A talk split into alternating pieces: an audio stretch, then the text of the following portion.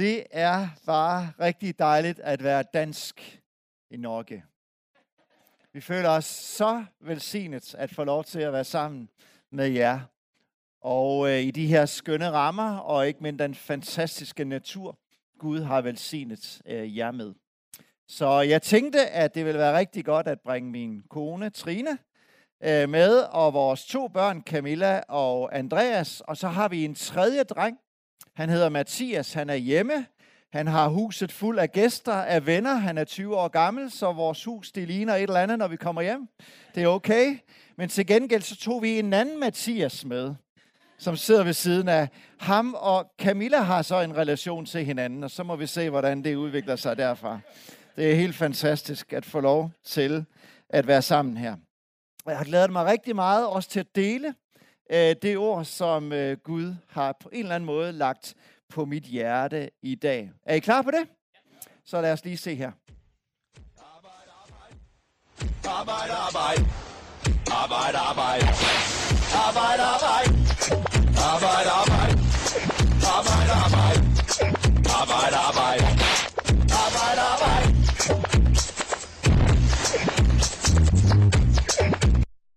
Arbejde. Vi snakker rigtig meget om arbejde, gør vi ikke det? Vi har for meget af det. Vi mangler et. Vi savner det. Måske når vi ikke længere går på fast arbejde. Vi har i alle fald en holdning til det at arbejde. Vi kan elske vores arbejde. Vi kan synes, det er hårdt, at vi bruger for meget tid på vores arbejde. Og alligevel må jeg erkende, efter at have gået i kirke i rigtig, rigtig mange år, at jeg har aldrig nogensinde hørt en prædiken omkring et bibelsk perspektiv på arbejde. Og hvis I har været i samme situation som mig, så får I den den her formiddag. Fordi det at følge Jesus, det skulle jo gerne påvirke alle områder af vores liv. Og ikke mindst noget, som vi bruger så meget tid på, som det at arbejde. Er det rigtigt? Så hvad er visionen? Hvad er formålet? Hvad er tanken med det, vi gør, når vi starter op hver uge med at gå på arbejde? Så jeg vil gerne sige lidt omkring et bibelsk perspektiv på arbejde. Og når vi definerer arbejde, så handler det om alt, hvad vi er involveret i, som har karakter af arbejde, opgaver, i kirkeregi, eller der vil vi kalde det tjeneste, det lønnede arbejde, det frivillige arbejde, det vil sige dit faste arbejde, eller dit fritids- eller studiejob, dit arbejde i Røde Kors, eller i den lokale fodboldklub, eller de tjenester, du er involveret i her i kirken i Lyngdal. Vi ved, at det lønnede arbejde, det kan være afgrænset af en pensionsalder. Men arbejde og tjeneste som sådan i Guds rige, det ved I godt, at det stanser ikke, indtil du længere er her. I dit ansigts sved, siger Mosebogen, så skal du arbejde indtil da, du ikke er her længere. Sorry to say, det er Guds ord. Så arbejde er livstid. Men arbejdets karakter kan jo ændre sig. For den dag, du måske går på halvtidsarbejde, eller går på pension, og måske har mulighed for i en periode at kunne arbejde med nogle andre ting, end du tidligere har gjort i dit liv. Men i Guds rige er der bare ingen udløb for, hvornår vi stopper med at tjene. Og det at have et meningsfyldt arbejde, det må vi jo sige, det er jo kritisk, har kritisk betydning for os.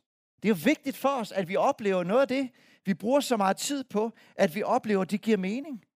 Følelsen af, at der er brug for os. At vi bidrager til noget her i livet. En af mine store helte, hun er 85 år gammel. Hun øh, har været sådan en tjener i Guds rige altid. Hun bor i Mariaga. Og øh, på et tidspunkt, så, øh, så var det sådan, at da hun gik på pension, så, øh, så begyndte hun at bede. Hun har altid bedt rigtig meget. Men særdeleshed, når de unge, de her ungdomsmøder, så gik hun rundt, og så bad hun for, at Gud måtte øh, simpelthen gøre noget blandt de unge og i byen. Nu er hun blevet så gammel, at det kan hun ikke længere. Men i stedet for, så har hun fundet et andet arbejde. Hver morgen, der ringer hun til tre gamle mennesker, som hun kalder.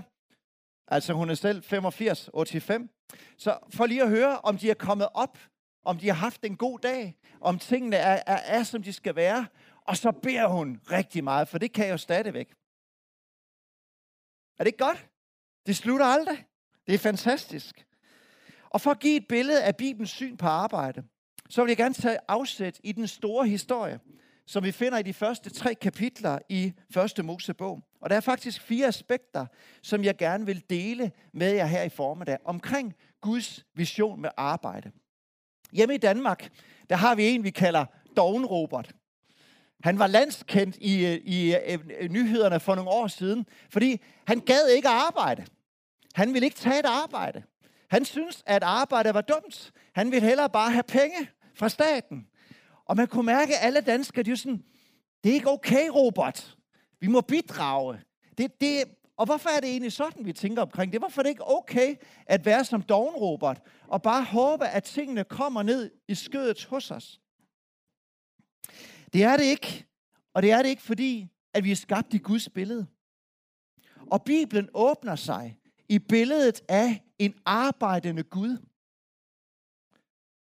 Vi læser om i de første kapitler, at jorden den var øde, den var mørk og den var tom. Er det godt? Nej, det er ikke godt. Men midt i det landskab, vilde ørkenlandskab, der forvandler Gud jorden til noget godt. Han skaber orden, lys og mørke, dag og nat, jord og hav. Han skaber smukke ting. Han skaber dyr. Han skaber naturen. Han skaber planter.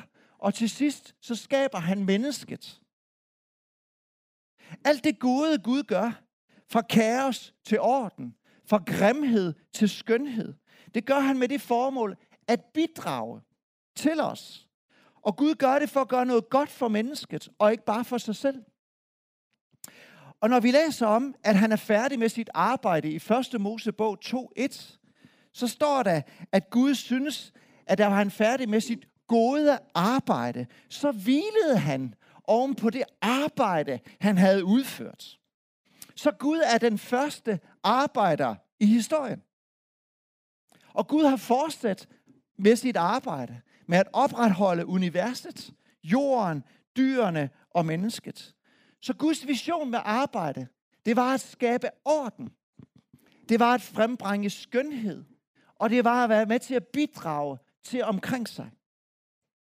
Og det, der så er meget, meget interessant, det er, at når Gud han får sine første medarbejder, mennesket, så giver han dem den præcis samme opgave.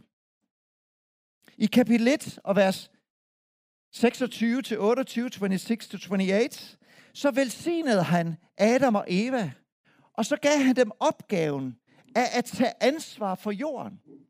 Han brugte ordene hersk over jorden, bliv frugtbar, bliv talrige og underlæg jer jorden. Så hvem skal nu fortsætte Guds arbejde med at bringe orden, frembringe skønhed og være med til at bidrage? Det skal vi. De første medarbejdere. Det skal Guds skabninger. Al anden skabelse sker på den her måde, at æbletræer skaber æbler. Kaniner avler kaniner. Men vi mennesker, vi er skabt anderledes. Vi er skabt med evnen til at være kreative. Evnen til at frembringe noget, som vi har fået af den Gud, som har givet os og som har skabt os. Vi er skabt til at bringe smukke ting. Vi skaber familier. Vi skaber naboskaber. Vi skaber smuk musik. Vi skaber kunst. Vi skaber mad. Vafler. Er det ikke godt? Men ikke bare for os selv, til velsignelse til dem omkring os.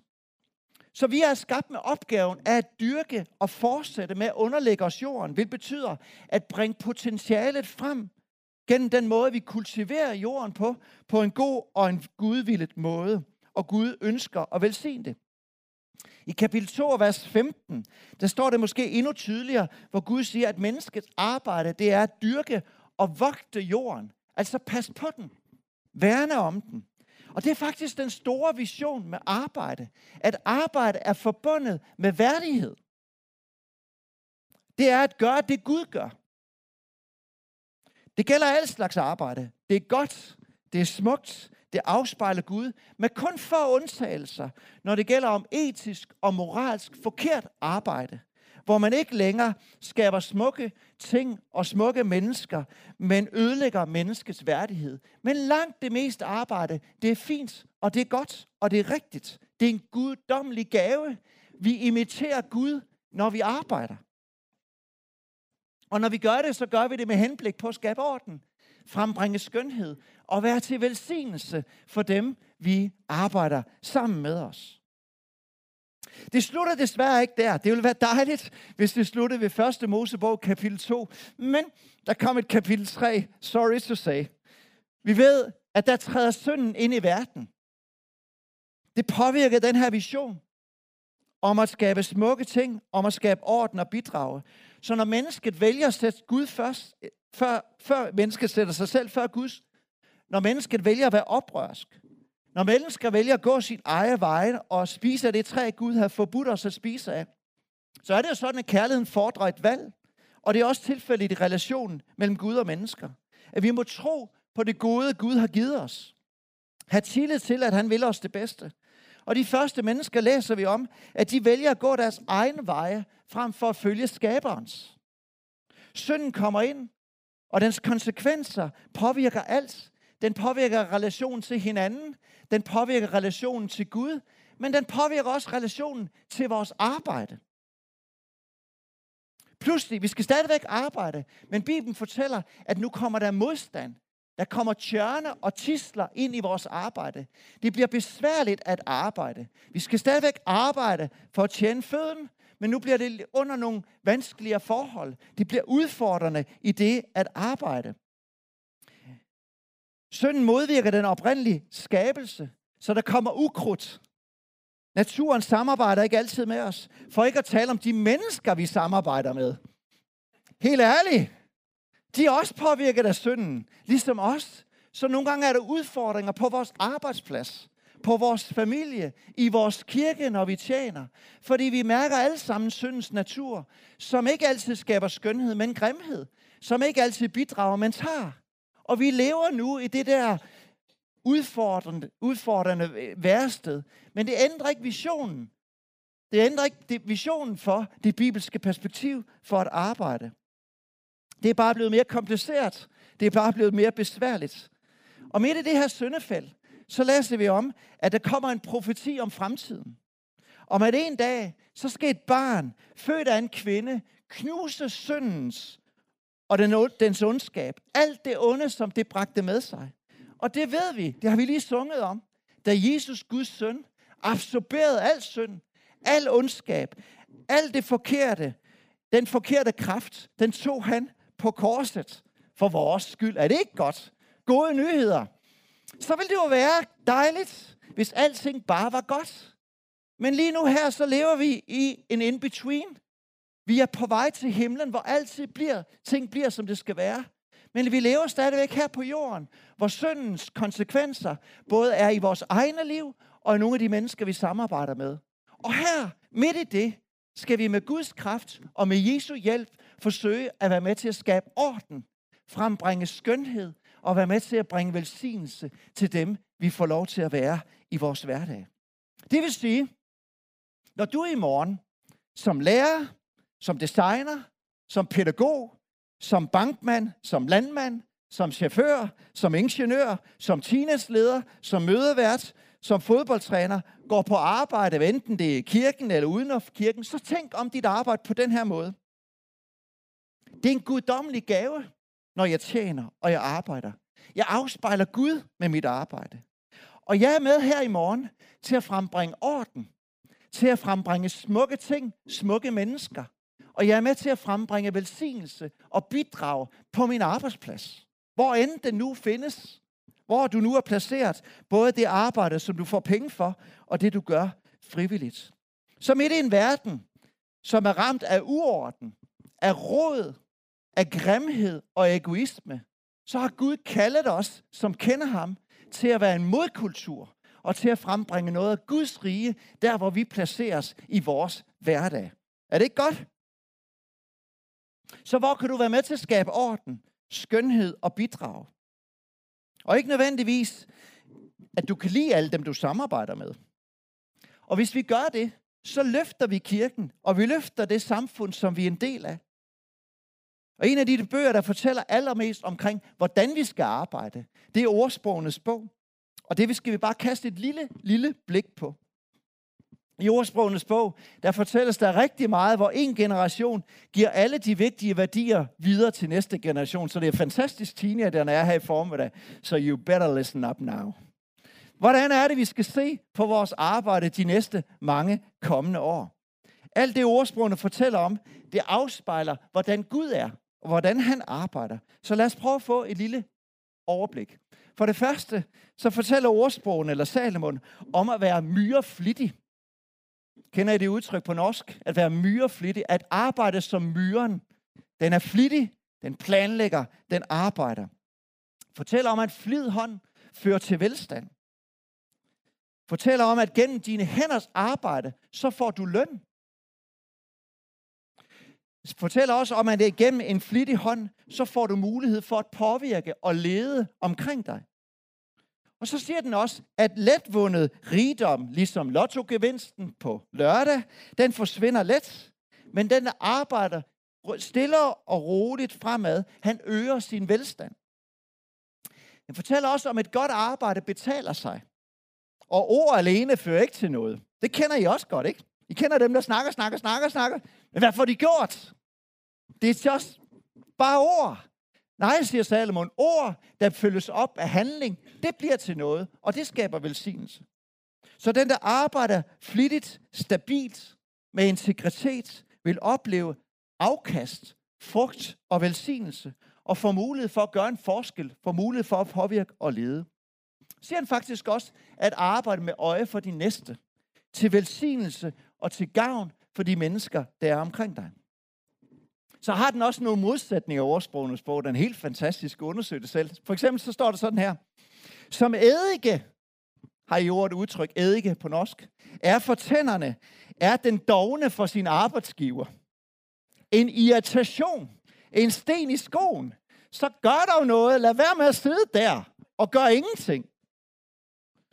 Jeg står videre. Den dogne er som en tjørnehæk, rimelig besværlig og træls at være sammen med. Og så er det her, det er toppen. Den, der er forsømmelig i sit arbejde, er bror til ham, der ødelægger alt. Hvad?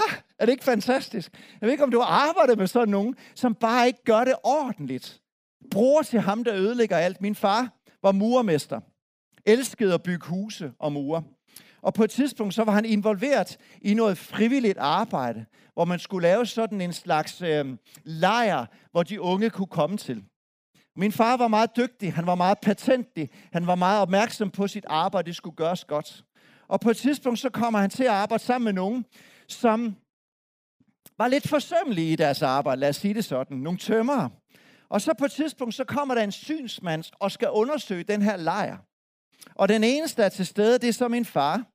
Og han kigger ned synsmanden af lejren, som går herfra og nedad.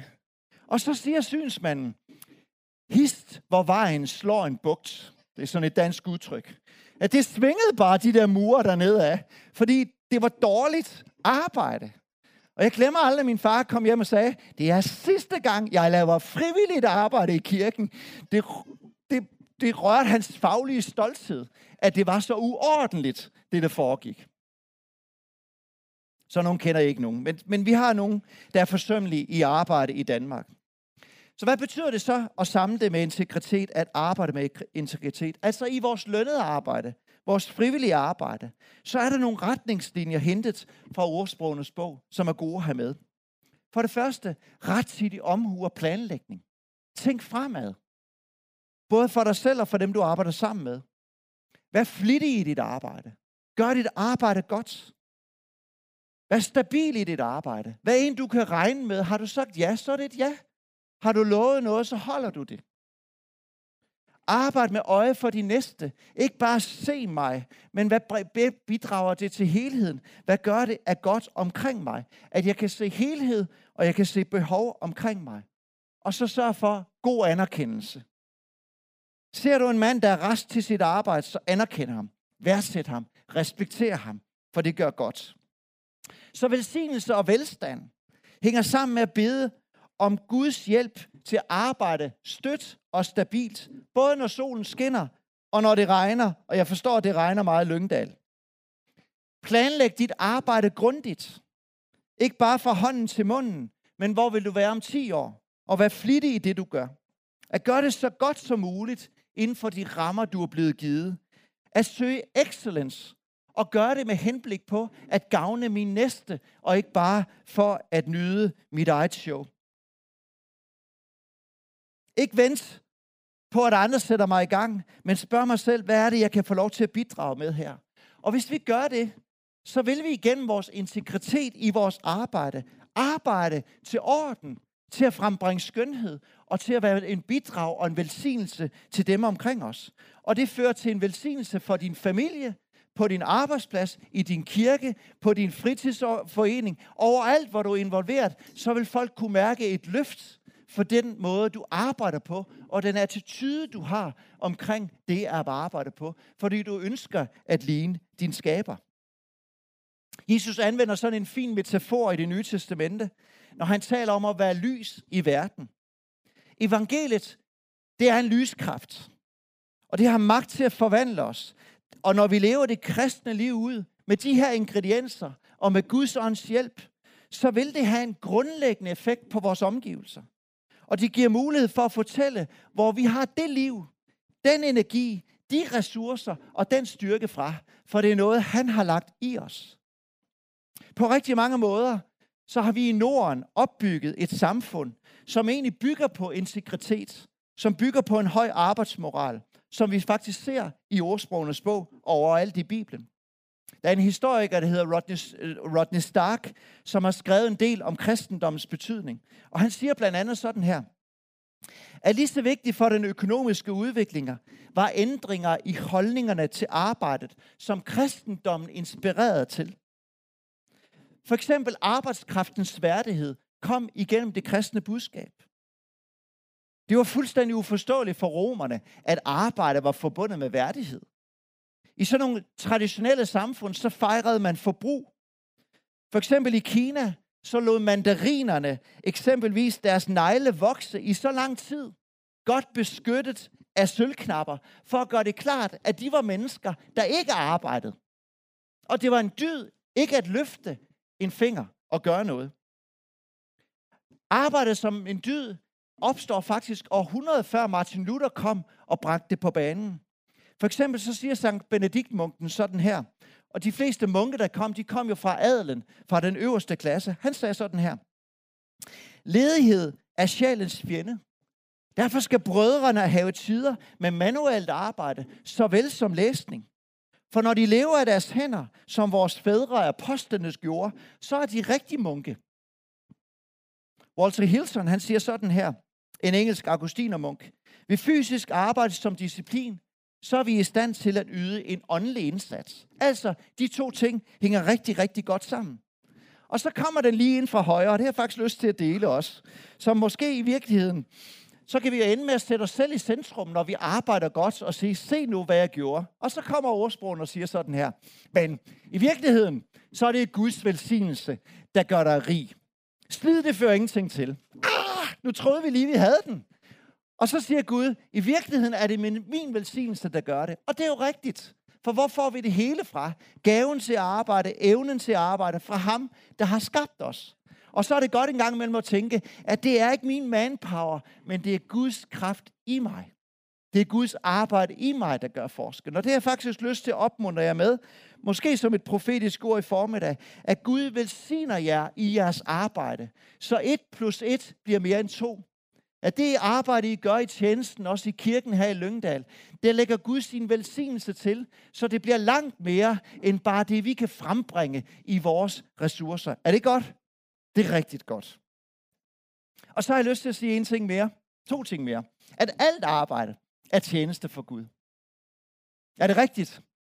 Vi er tjeneste, vi arbejder 24-7. For Luther han fortsatte og lærte os om at leve et liv i kald og stand. Og det betød, at det er lige så heldigt at bage brød som bager, som det er at være præst og for, forberede en prædiken. Der er ingen forskel. Det er at tjene Gud, så længe vi gør det for at bringe hans ære, for at løfte ham op gennem det, vi nu har fået som opgave. Så alt er arbejde er ærbart. Alle jobs og uddannelser, så længe de er legale og bibelsk etiske, de bringer ære til Gud, hvis det er gjort til Guds ære. Og det er kun os, der nogle gange sådan har lyst til sådan at synes, at noget arbejde, det er finere end andre, eller noget tjenester, det er bedre end andre. Hjemme i Randers, der går jeg reklamer med min søn. En gang om ugen, så går vi rundt med reklamer. Det er en dårlig løn, er det ikke, Andreas? Vi burde have noget mere for vores arbejde. Jeg er ved at lære ham om, at det der med, at det er vigtigt at arbejde og fortjene sine penge. Og nogle gange så kan jeg mærke, når jeg kommer som sådan en voksen mand med reklamer i husgaden, så er der nogen, der sådan kigger på mig og siger, hmm, hmm, er han ikke kommet videre i livet? Står han der og, og, og går med reklamer? Jeg tænker, jeg er Gud. Med manuelt arbejde og gå med reklamer og hjælpe lidt til hans lommepenge. Et bidrag, kære søn. Men i virkeligheden så er det bibelske perspektiv for arbejde, at alt arbejde, lønnet, frivilligt, det er tjeneste for Gud. Paulus udtrykker det på den her måde i Efeserbrevet, hvor han siger, skrev til slaverne, lad os bare kalde den arbejderne, adlyd jeres leder og arbejdsgiver, som var det Kristus. Gør det med respekt og bæven af et oprigtigt hjerte. Arbejd ikke for at blive set, og for at stå der godt med mennesker, og blive set for det, I gør. I ved jo, at Gud kommer til at give jeres løn for den måde, I arbejder på. Så Gud er min reelle arbejdsgiver. Og din reelle arbejdsgiver. Både når du arbejder med noget i kirken, og det du gør i morgen tidlig. Han er din endegyldige boss, og ikke bare den boss, du tjener ned på din arbejdsplads. Så når du gør rent i kirken, så ærer du Gud og bygger hans kirke til hans ære. Og som en efterfølger Jesus, så er det bare vores primære arbejde. Det er at tjene Gud i alt, hvad vi gør. 24-7. Og i morgen så er de fleste menneskers prædikestol. Det er dit kontor. Det er dit klasseværelse. Det er dit køkken. Hvis du er en efterfølger af Jesus, hvad vi er, så tjener vi Jesus som sekretær, som advokat, som psykolog, som sælger, og vi påvirker ved vores liv den måde mennesker, så de får lyst til at høre mere om den Gud, vi tror på, i forhold til den måde, vi arbejder på. Så hver enkelt del af vores liv skal ses som en mulighed for at bringe et levende, helligt offer for Gud gennem den måde, vi arbejder på. Om søndagen, så gør vi det gennem at løfte hænderne og prise Gud og ære ham. Mandag morgen, så gør vi det den måde, vi arbejder på. Den måde, vi tjener på. Den måde, vi bidrager på. Den måde, vi er på gennem vores arbejde over for de mennesker, vi er sammen med. Er det rigtigt? Er I med? Eller tænker, oh my goodness. Jeg håber, at I tror, at vi står på skriftens grund. Det tror jeg, vi gør. Så derhjemme i familien, så arbejder vi for at give Gud ære gennem at være en god og kærlig ægtefælle. Gud hjælp os. I frisiden ærer vi Gud ved at bruge de evner, han gav os, til at støtte og hjælpe, tage ansvar i kirken, tage ansvar i lokalsamfundet, hvor vi har behov, hvor der er behov, og hvor vi oplever, at Gud har begavet os. Så vi vil arbejde og tjene med hele vores liv, og på den måde afspejle den Gud, vi tror på. Og så er det godt lige at slutte med at veksle mellem arbejde og hvile. Ja, vi er skabt til at arbejde. Vi er skabt til at skabe orden, frembringe skønhed og bidrage. Vi er skabt med at gøre det med integritet i det, vi arbejder med. Men ligesom Gud hvilede efter sit arbejde, så har han også skabt os med behovet for at hvile en gang imellem. Og minder os selv på, at vores identitet har vi i Kristus, ikke i vores arbejde, ikke i vores tjeneste. Er det sandt? Det er videre os som et elsket Guds barn, fuldstændig uafhængig af vores arbejde og tjenesteindsats. Det er bare vigtigt. Vi opdager det for eksempel ved at gøre som Maria, som sad ved Jesu fødder og lyttede til det, han havde at sige og lå Jesu ord få plads ind i hendes hjerte. Mens Martha, hun knoklede omkring og arbejdede og vartede op og tjente. For folk skulle jo have mad. Og så svarer Jesus Martha på den her måde, at der er brug for begge dele i livet.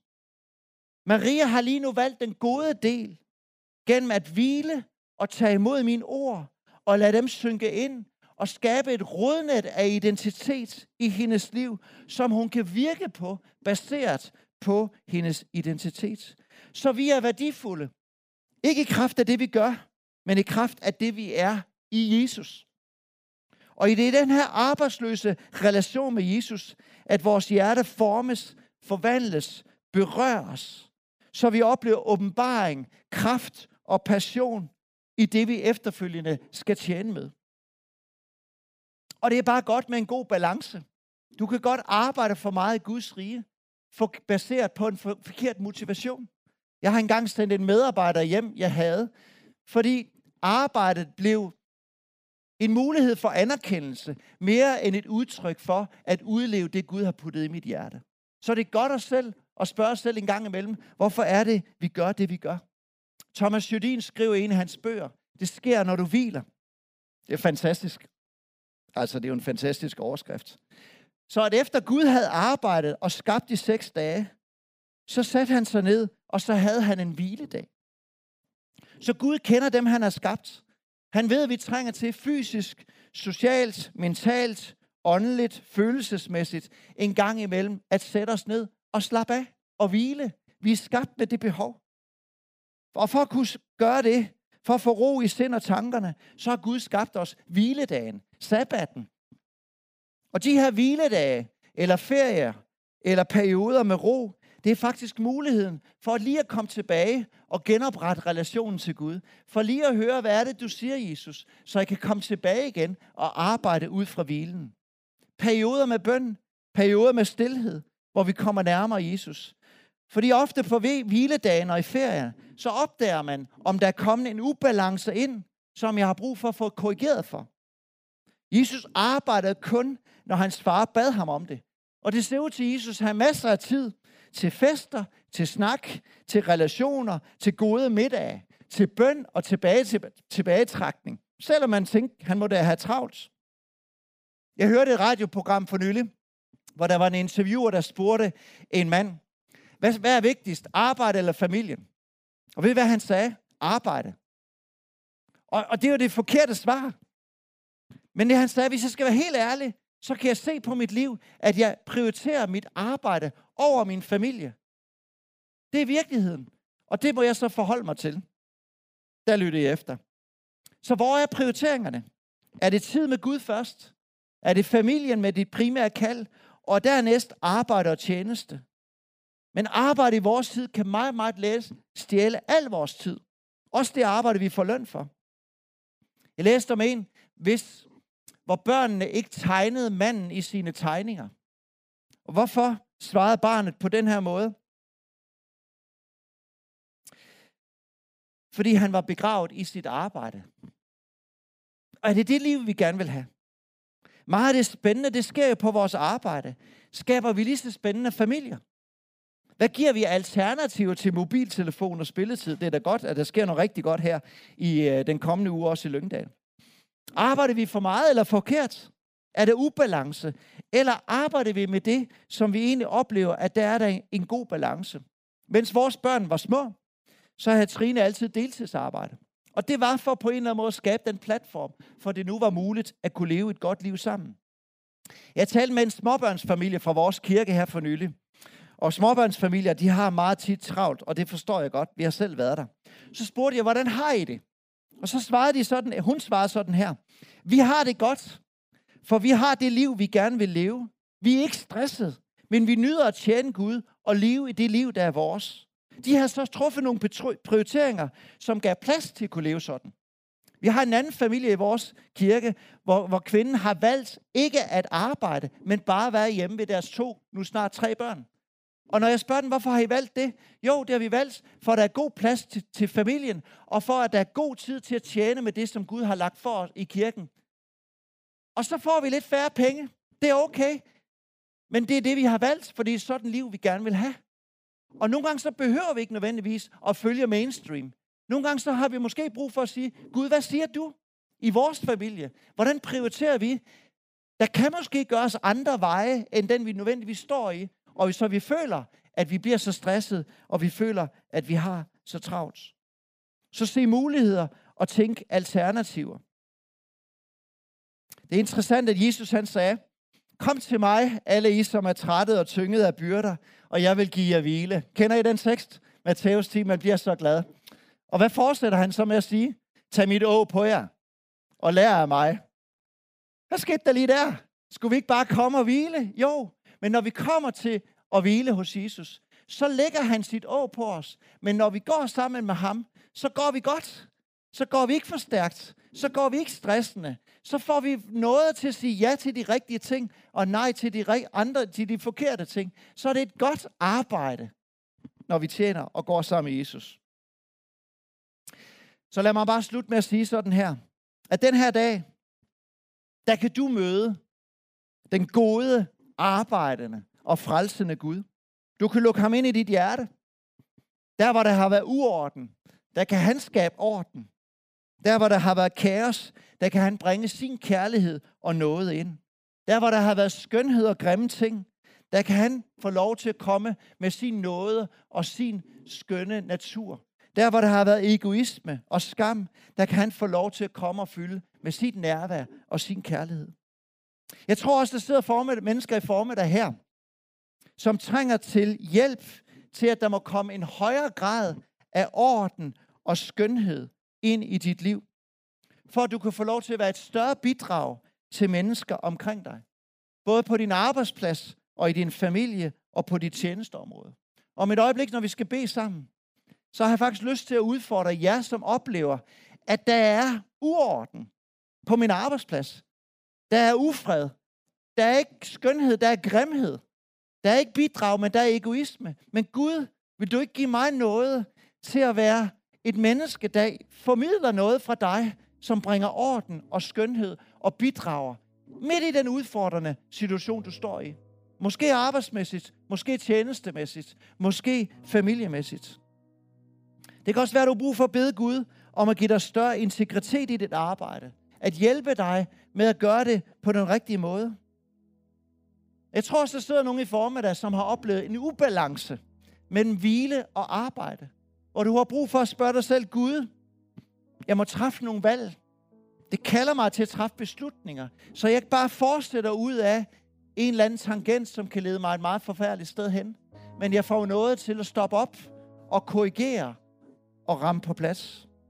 Det kan også være, at du den her formiddag har brug for at opleve Gud på arbejde. Så er han her med helbredelse. Så er han her med ny kraft. Så er han her med ny styrke. Hvis du står i en svær situation, så er han ikke tavs. Han er ikke uden magt. Der er kraft i korset. Der er kraft til forvandling. Gud ønsker at gribe ind. Så hold dig ikke igen, når Gud kalder. Lad ham få lov til at virke et mirakel ind i dit liv, der hvor du har brug for det. For Gud elsker at arbejde. Gud elsker at gøre godt. Skal vi rejse os op? Og så har jeg lyst til at øh, bede en bøn.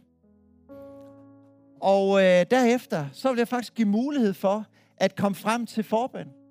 Fordi vi er her, sønner og døtre, der har brug for Guds hjælp til at finde den gode balance i vores arbejde. Til at få lov at tjene Gud med alt det, der er.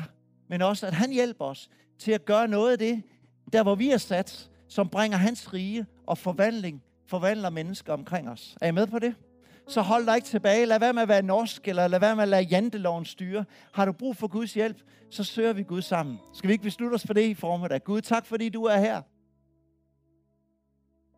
Tak fordi du er til stede i vores liv. Tak, vi ikke skal knokle og arbejde i egen kraft, men tak fordi du har givet os dig i vores liv. Du har givet os din ånd. Du giver os hjælp, og du giver os styrke til at få lov til at arbejde på en måde, så vi ærer dig så vi bringer orden, så vi frembringer skønhed, og som vi bidrager der, hvor du har placeret os, i vores familier, på vores arbejdspladser, der hvor vi tjener dig i kirken, og vi har lyst til at ære dig med vores liv. Så hjælp os i vores magtesløshed. Hjælp os i vores begrænsethed. Og der, hvor der er kommet ubalance, der beder jeg dig om, at du kommer ind, Helligånd, den her formiddag, og giver idéer til, hvordan ting kan være anderledes, så vi oplever et godt liv til glæde for andre, og som er attraktiv, når mennesker de kigger på vores liv. Tak fordi du er her for at møde os med det hvert behov, som vi kommer med i formiddag. Vi priser dit navn, Jesus. Vi priser dit navn. Skal der være anledning til at komme frem, og så vil vi tage en lille stund, hvor vi beder sammen for og med hinanden. Værsgo, og der er også forbeder heroppe nu her.